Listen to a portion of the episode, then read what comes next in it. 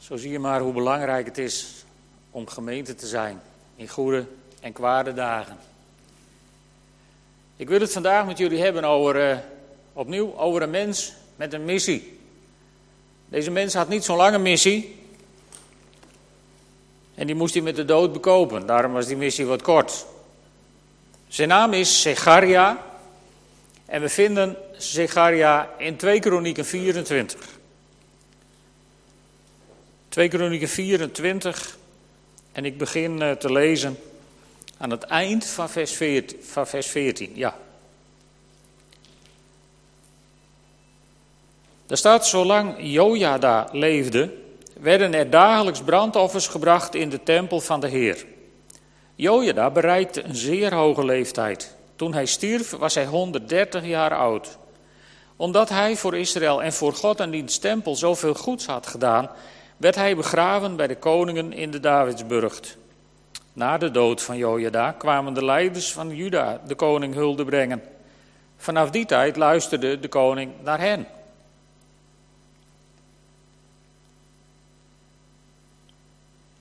Ze begonnen de tempel van de Heer, de God van hun voorouders, te verwaarlozen en Asherah-palen en godenbeelden te vereren. Vanwege deze zonde werden Juda en Jeruzalem getroffen door een hevige toorn. De Heer stuurde profeten naar hen toe om hen terug te roep, op te roepen terug te keren naar de Heer, maar hun waarschuwingen werden in de wind geslagen. Toen kwam de geest van God over Zecharia, de zoon van de hoge priester Jojada.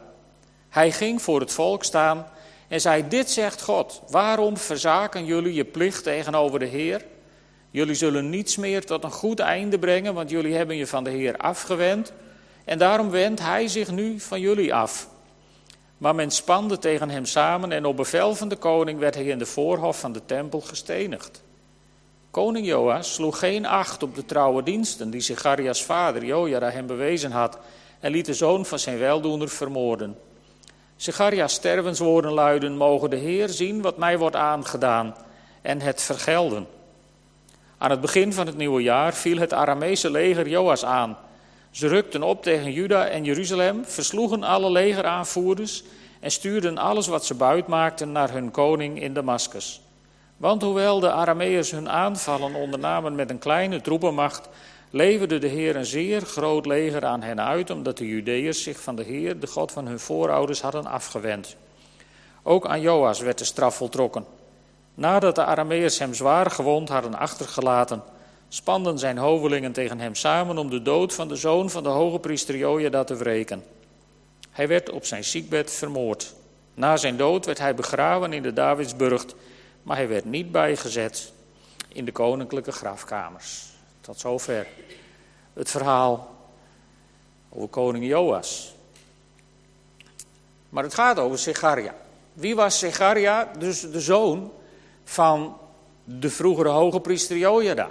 En Zecharia betekent de Heer gedenkt. Het komt van het Hebreeuwse werkwoord zachar en dat betekent herinneren of gedenken, aandacht geven aan. Dus de Heer gedenkt betekent Zecharia. En we komen hem ook wel deze naam tegen in het Oude Testament als Zacharia. Dat zijn dezelfde medeklinkers en het Hebreeuws kent origineel alleen maar medeklinkers. Dus Zecharia of Zacharia. En in het Nieuwe Testament komen we hem tegen als Zacharias. Omdat in het Nieuwe Testament de namen vergriekst zijn, is er een S achter gehangen. En deze Zecharia wordt door Jezus genoemd of door Matthäus in ieder geval in het boek Matthäus. En dan wordt hij de zoon van Berechia genoemd. Dat is een beetje verwarrend, want eigenlijk is het dus de zoon van Jojada. Goed, we kennen hem in het schema even terug hier. We zijn uh, inmiddels in het jaar 837 voor Christus aangeland. Sigaria ten tijde van Joas. En Joas was dus koning van Juda van 837 tot 800 voor Christus. En in het tienstammenrijk regeerde in die tijd koning Jehu. En zijn zonen Joachas en Joas in die tijd, zo, zo liep het ongeveer. Jehu was de koning die was aangesteld door God en die het huis van Agab had uitgeroeid. Die ook verantwoordelijk was voor de dood van de vader van koning Joas. Profeten in die tijd, het is in de tijd van de grote profeet Elisa en dus deze onbekendere profeet Zecharia. In het buitenland, Aram, het gebied van Syrië en omstreken, dat verloor steeds meer invloed in de wereld. En het Assyrische Rijk, in de omgeving van waar nu Irak ligt, zeg maar, dat werd steeds sterker, groter en machtiger.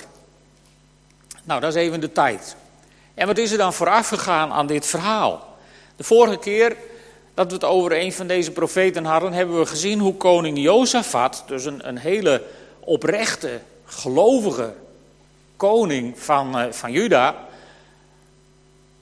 familiebanden was aangegaan met het huis van Agab en Izebel. Toen hebben we het ook erover gehad dat het niet wijs is om, om in, een, in één juk te lopen met ongelovigen. En, en hier zie je eigenlijk wat er gebeurt als je dat toch gaat doen. Want wat gebeurt hier? Jozefat had dus een dochter van Agab en Izebel als schoondochter. En ze was getrouwd met Joram, de zoon van, uh, van Jozefat. En Joram wordt in twee kronieken genoemd. Hij deed als het huis van Agab. En dat was geen compliment. Dat was een, een, een hele trieste, verdrietige conclusie. Hij deed als het huis van Agab. Niet als het huis, hij deed niet als zijn vader David, dat hij de Heeren volgde met heel zijn hart. Maar hij keerde zich van de Heeren af en volgde de afgoden. En daarom maakte Joram het niet zo lang. Hij was acht jaar koning, relatief kort ten opzichte van de anderen, omdat de Heer zich van hem afkeerde. En Joram die stierf aan een verschrikkelijke darmziekte. Het, staat aan het eind van zijn leven kwamen de darmen uit zijn lijf en hij stierf met vreselijke pijnen. Daar hoef je niet vrolijk van te worden. En Joram had een zoon. Die heette Agazia. Dat was dus de kleinzoon van Jozefat, maar ook de kleinzoon van Agab. Dus met andere woorden, als hij zegt, God bezoekt de zonde van de vaderen aan het derde en het vierde geslacht van hen die mij haten, dan was Agazia daar ook een van. En die is maar één jaar koning. Die sneuvelt in de strijd met Jehu. Als die het huis van Agab verslaat en uitroeit, dan is uh, is, uh, zeg maar uh, casual damage, noemen ze dat dan in, het, in het Engels. Een soort nevenslachtoffer.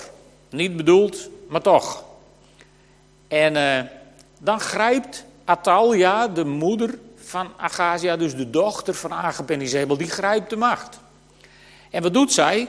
Zij laat het hele koningsgeslacht uitroeien. Alleen er wordt stiekem eentje gered en dat is Joas. Dat was politiek een hele goede set, want als je het koningshuis van Juda kon uitroeien, dan kon het geslacht van Agab mooi tien stammen plus Juda weer verenigen en de macht hebben in het hele rijk. Maar als je met geestelijke kennis een beetje dieper kijkt, dan zie je een hele andere beweging. Dan is het politieke spel, dat was helemaal niet zo, zo interessant, dat was helemaal niet zo belangrijk.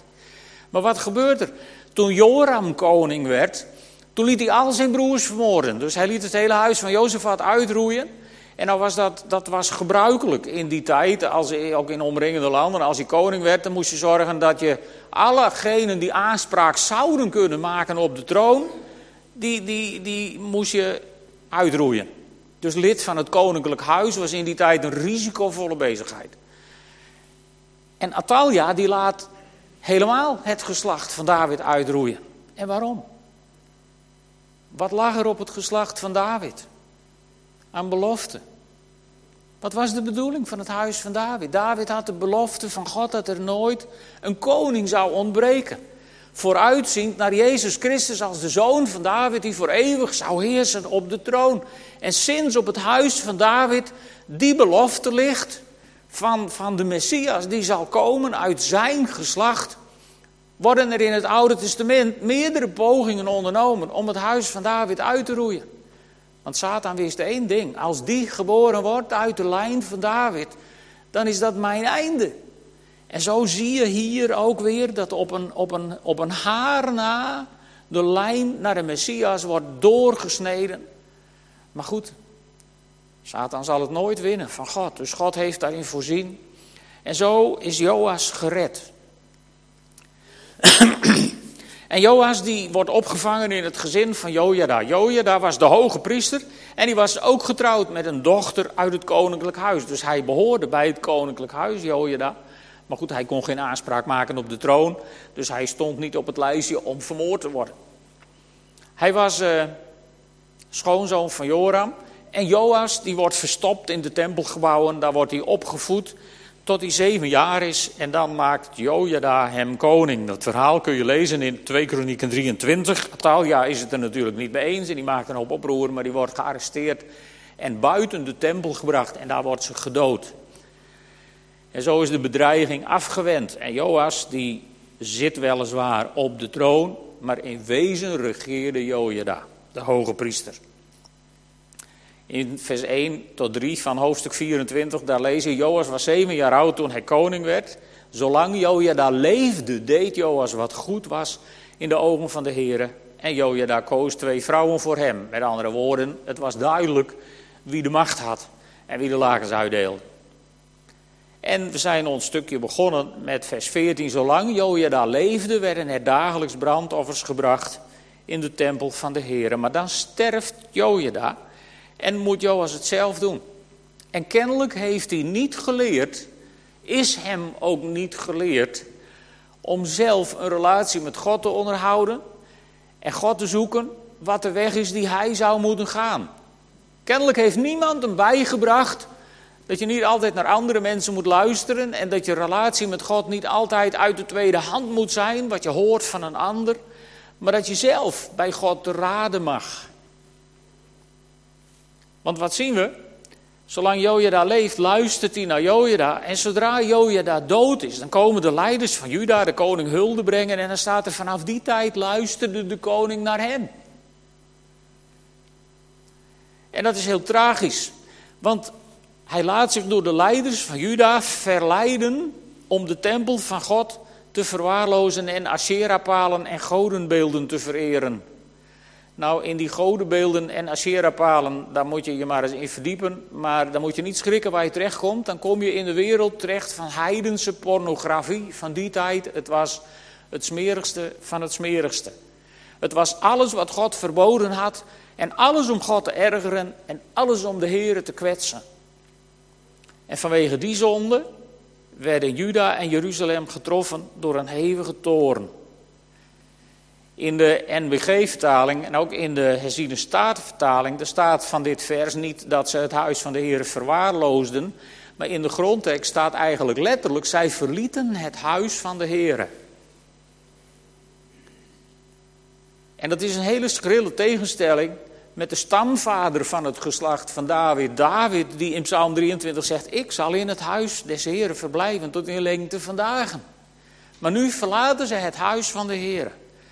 Dus het is niet een kwestie dat ze als gelovigen zich een keer vergissen en een zonde begaan. Nee, ze verlaten heel bewust het huis van de Heer. Ze keren God de rug toe. En dan stuurt de Heer profeten naar hen toe. En die profeten die roepen hen op om terug te keren naar de Heer, maar hun waarschuwingen, zegt de Bijbel, werden in de wind geslagen.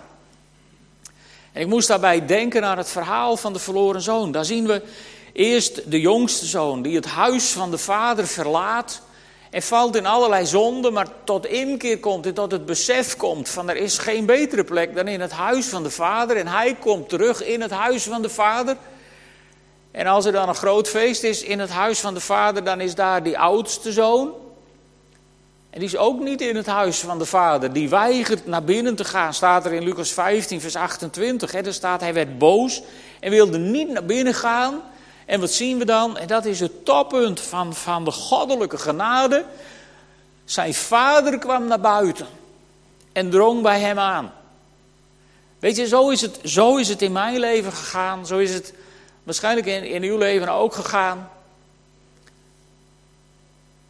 Op die momenten dat je nog niet in het huis van de vader was, kwam de vader uit zijn huis naar jou en naar mij, naar deze wereld. Toen wij nog zondaren waren, was God uit de hemel in de mens Jezus Christus op deze aarde. Om te sterven voor onze zonden. En om op die manier bij ons aan te dringen, om binnen te komen in het huis van de Vader. Een relatie aan te gaan met God. En ik heb daar ooit een keer ja op gezegd. Dat is ook de enige verdienste die ik heb in dit hele proces. En waarschijnlijk hebt u daar ook een keer ja op gezegd. En mocht hier iemand zijn die daar nog nooit ja op gezegd heeft, dan moet je hier vandaag niet weggaan voordat je dat gedaan hebt. Want het is van levensbelang om, om, om op die aandrang van de Vader om binnen te komen in het huis van God, om daarop in te gaan. Dat is een kwestie van leven of dood. Maar toen werd het in de wind geslagen. En dan staat er in vers 20: Toen kwam de geest van God over Zecharia, dus de Heilige Geest, die viel op Zecharia. En hij ging voor het volk staan en dan zegt hij: Waarom verzaken jullie de plicht tegenover de Heer? Of de andere vertalingen zeggen: Waarom veronachtzamen jullie de geboden van de Heer? Waarom doe je niet wat God zegt? Waarom ga je in tegen God? Dus, dus het is niet God die ogenblikkelijk met het vingertje komt en zegt: Jullie smerige zondaars, jullie verwaarlozen. Nee, er komt die vraag: Waarom maak je de keuze die je hebt gemaakt? Als je de neiging hebt om, om, om, om ja, afstand te laten ontstaan tussen jou en God, weet je, dan is God daar niet direct met dat vingertje van allerhande verwijten. Maar dan is er die vraag van God, waarom laat je dit gebeuren? Waarom doe je dit? Waarom maak je deze keuzes? En die waarom-vraag is altijd bedoeld om mensen tot nadenken te stemmen, om, om onze gedachten te prikkelen, zodat we onszelf inderdaad gaan afvragen: waar ben ik mee bezig? En waarom doe ik dit? in de hoop, en dan zit echt de Vader op de troon te hopen en te verlangen dat je door die waarom-vraag tot inkeer zult komen en zult besluiten om het anders te gaan doen in je leven.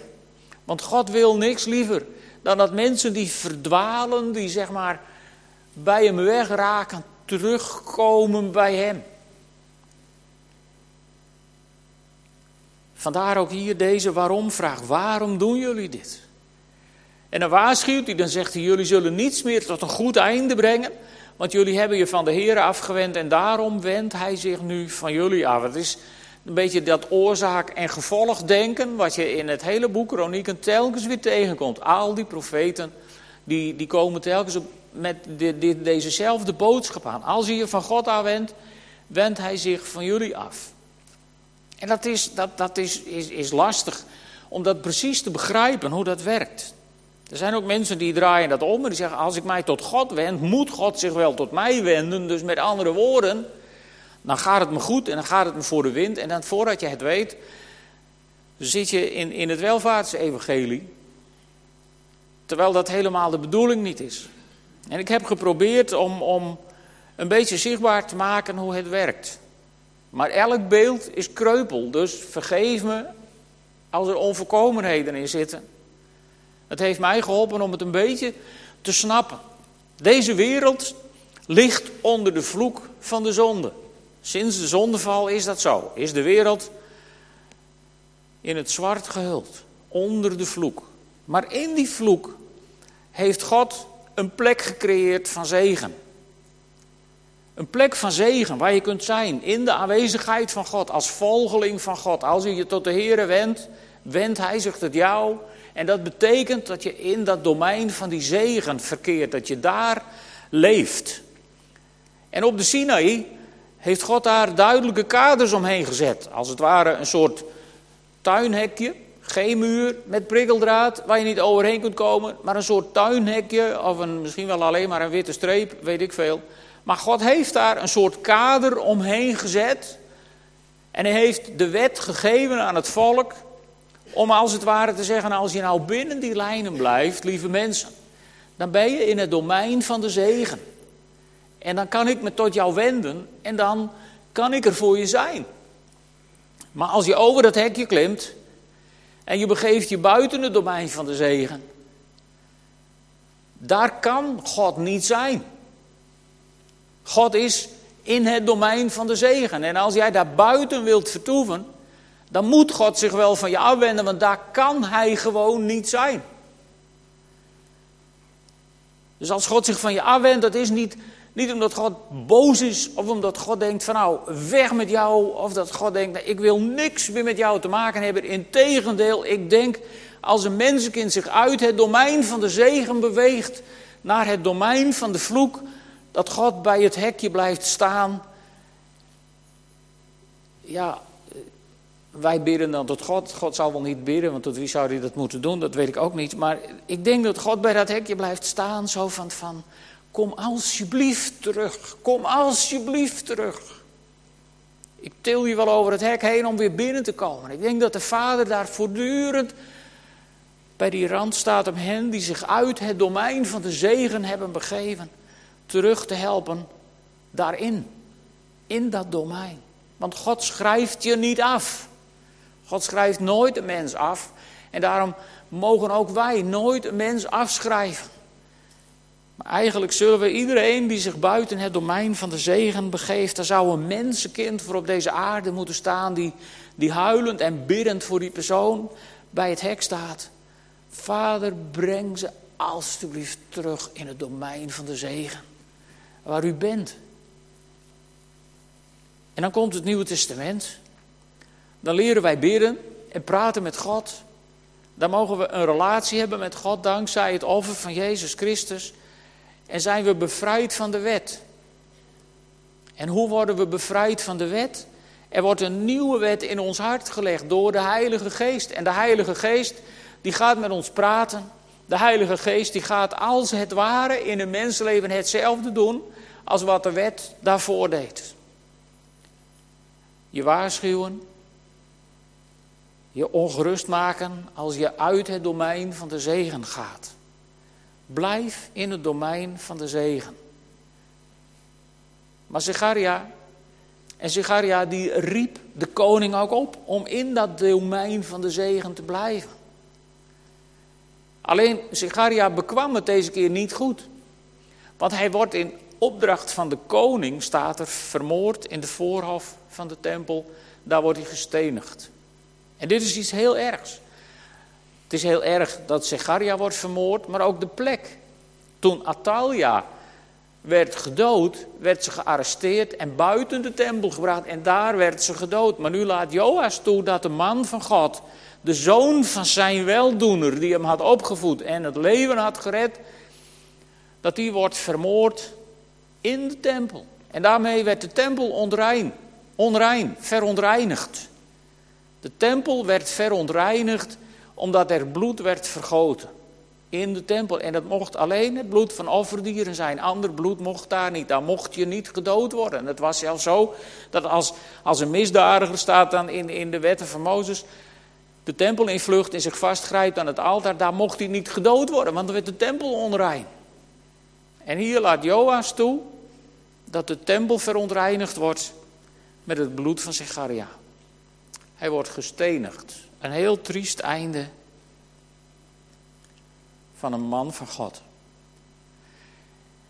En er zit een woordspeling in, in het Hebreeuws, die, die, die ken je er moeilijk uit, natuurlijk in al die vertalingen. Maar in de Statenvertaling, daar staat zo gedacht de koning Joas niet aan wat zijn weldoener hem had gedaan. Terwijl Zecharia betekent de Heere gedenkt. Maar Joas gedacht niet, de Heere wel. En zo komt Zecharia aan zijn eind. En dan komt er iets moeilijks, iets lastigs voor ons, nieuwtestamentische gelovigen. Want Zecharia's stervenswoorden die luiden, mogen de Heere zien wat mij wordt aangedaan en het vergelden. Dat is lastig voor ons. Want wij kennen ook iemand anders die stierf. En die zijn stervenswoorden waren heel anders. Toen Stefanus werd gestenigd, toen bad hij reken hun deze zonde niet aan. En hij stierf. Maar goed, Stefanus kende Jezus. En Zecharia nog niet. Die leefde nog in de tijd van de wet. In de tijd van de vergelding. En weet je, als wij in de tijd van de vergelding blijven hangen. En, en mensen die ons iets aandoen, blijven eigenlijk blijven stiekem hopen dat God het hun wel zal vergelden, dan hangen we in de tijd van de wet. Maar als je in de tijd van de wet blijft hangen ten opzichte van je naaste, dan zijn er verschillende gelijkenissen over vergeving, bijvoorbeeld in de Bijbel, die duidelijk maken dat God ten opzichte van jou ook in die tijd van vergelding blijft hangen. Want God vergeeft zoals wij vergeven. Bovendien vragen we daarom, als we het onze Vader bidden, bidden we vergeven ons gelijk wij vergeven. En als jouw vergeven bestaat uit het hopen op vergelding, dan kan God moeilijk anders dan op die manier met jou omgaan.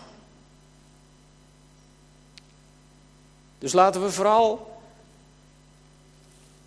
die woorden van Sigaria beschouwen als iets uit zijn tijd voor Christus. En ons vastgrijpen aan de woorden van Stefanus na Christus. Dat we voor mensen die ons iets aandoen ook zeggen: Heer, reken het hun niet aan. Vergeef het ze, ik vergeef het ze ook. Vergeven is, is een cruciaal iets in het leven van een mens. Maar Zechariah's dood wordt gewroken. Er staat zo, zo treffend, ook aan Joas werd de straf voltrokken. Want de Arameërs die vallen het land binnen met een klein leger. Het Aramese Rijk was tanende. Die hadden geen hele grote megalegers meer. Die komen met een klein leger. En toch verslaan ze dat grote leger van Juda. En nadat ze Joas zwaar gewond hebben achtergelaten, wordt hij op zijn bed vermoord door een paar hovelingen. Wat een roemloos einde voor een koning. Hij werd op zijn ziekbed vermoord. En dan moet je eens kijken. In Hebreeën 13, vers 7, daar staat let op hun einde. Soms zijn er mensen waar je moeite mee hebt. Soms zijn er ook mensen waar je tegenop ziet. En in Hebreeën, daar zegt de schrijver van Hebreeën zo treffend van houd je voorgangers in ere of, of, of let op ze, houd ze in het oog. Maar net hoe je dat wilt invullen. En dan staat daar, dat stukje eindigt met dit let op hun einde. En dan moet je eens kijken naar het verschil in hun einde. We hebben Jojada. En dan staat over de dood van Jojada, omdat hij voor Israël en voor God en die tempel zoveel goeds had gedaan, werd hij begraven bij de koningen in de Davidsburg. En dat was heel uitzonderlijk, want Jojada was geen koning.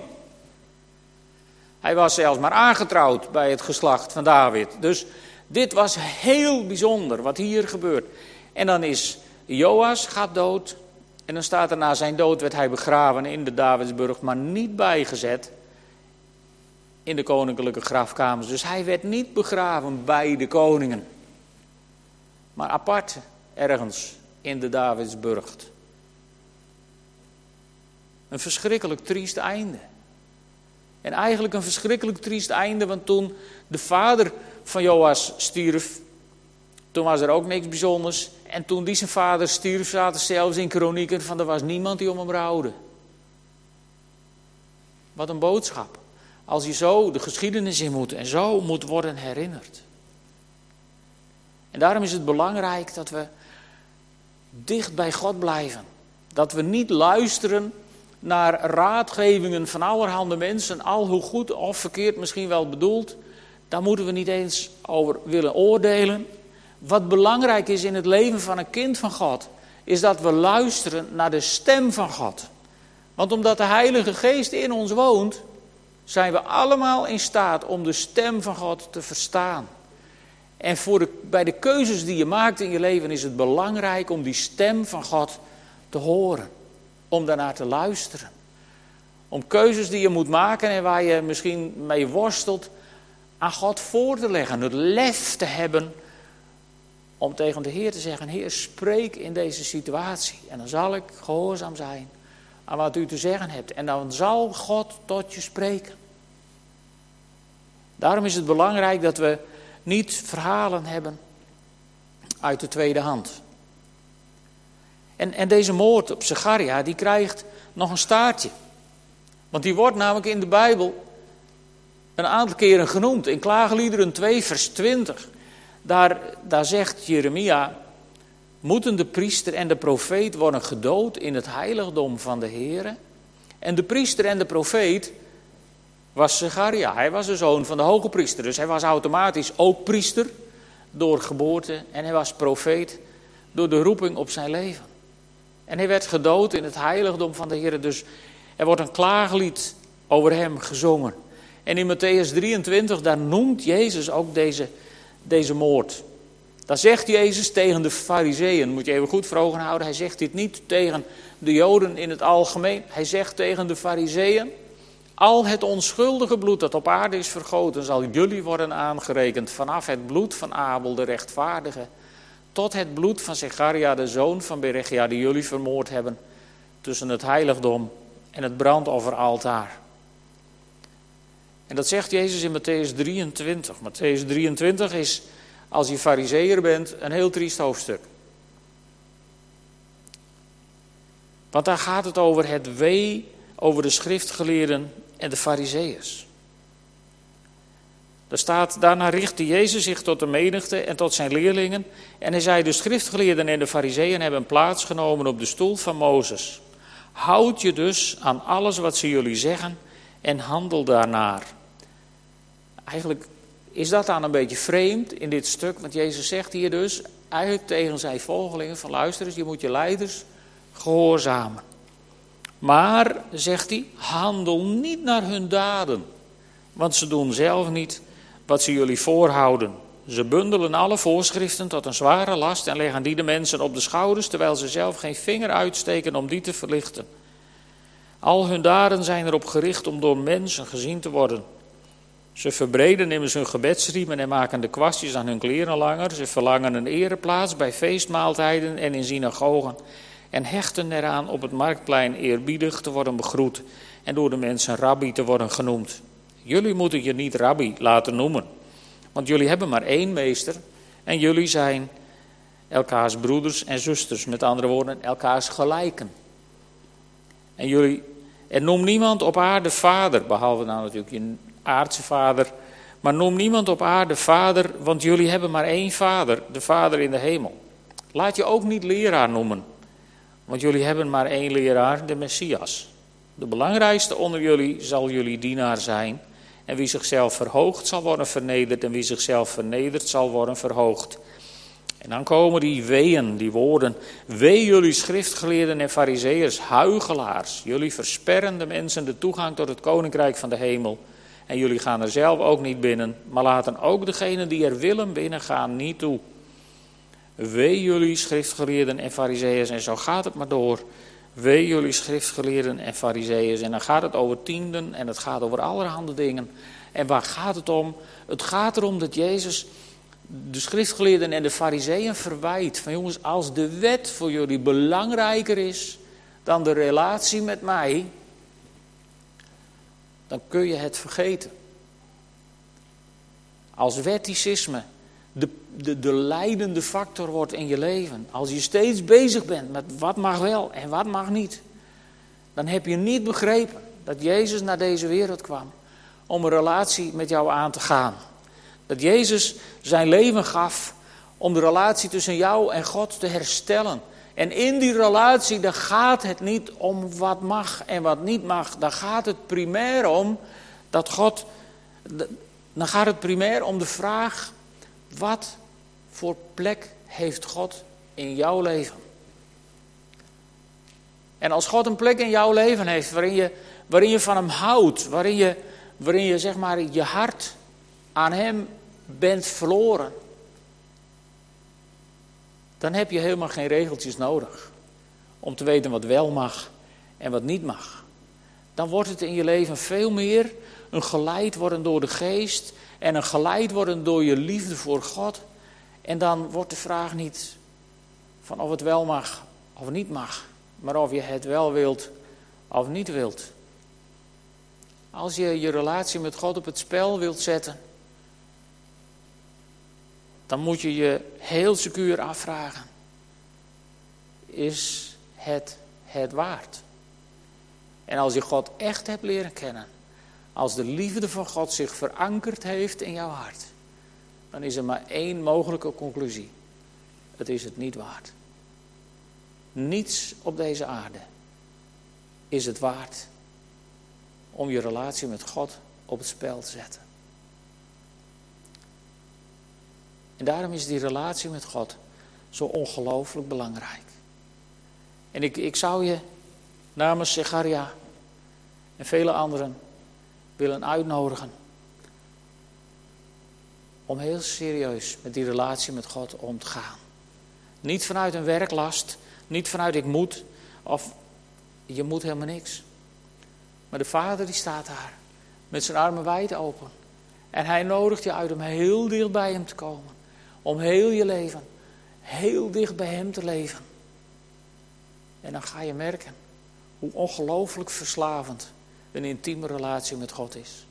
Dan ga je merken, dat beloof ik je persoonlijk, dan ga je merken dat er niets op deze aarde het de moeite waard is om tussen jou en God te staan. En ik hoop dat dat in jouw leven de waarheid ook is. Dat dat ook in jouw leven merkbaar is. En anders bid ik je toe dat de Heilige Geest zo krachtig in je gaat werken. Dat je zo stapel verliefd wordt op God. Dat je je hart zo compleet verliest aan Jezus. Dat je geen wet meer nodig hebt. Maar dat die liefde van God in jouw hart alles zal overheersen. Zullen we samen bidden? Mag ik jullie vragen op te staan als dat kan? Vader in de hemel. We hebben hier een man ontmoet die zijn volk moest waarschuwen omdat het volk iets tussen hen en, en u liet komen. En heren, we kunnen daar van alles over zeggen. We zouden daar heel oordelend over kunnen spreken. Maar hoe vaak laten wij in onze levens niet dingen komen tussen u en ons? Heer, hoe vaak hebben wij niet gefaald in, op dit gebied? En altijd was u weer daar. Altijd waren daar uw uitnodigende woorden. Altijd was daar de zachte aandrang van uw Heilige Geest. En waren daar uw uitgespreide armen aan het kruis die voor ons verzoening bewerkten. Heer, wij waren geen haar beter dan het volk waar we over gelezen hebben in uw woord. En toch hebt u ons in uw genade getrokken aan uw vaderhart. Toch hebt u ons in uw onuitsprekelijke genade verlost, bevrijd, geheiligd door uw bloed. Heren, ondanks ons totale gebrek aan verdiensten, hebt u ons tot heiligen gemaakt. Heren, dat is voor ons bijna niet te bevatten. Maar ik prijs uw naam daarvoor. Ik wil tegen u zeggen dat ik van u hou. En ik bid u, Heere God, om op dit moment ook met uw Heilige Geest ons aller harten aan te raken. Heere, opnieuw die liefde van u, nieuw leven in te blazen. Heere, laat het vuur weer gaan branden. Zoals in de eerste jaren van ons geloof.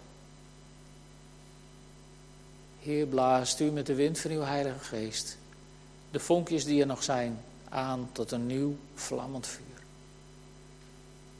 Opdat niets op deze aarde meer in staat zal zijn om tussen u en ons in te staan. Heren, dat bid ik van u in de naam van Jezus. Amen.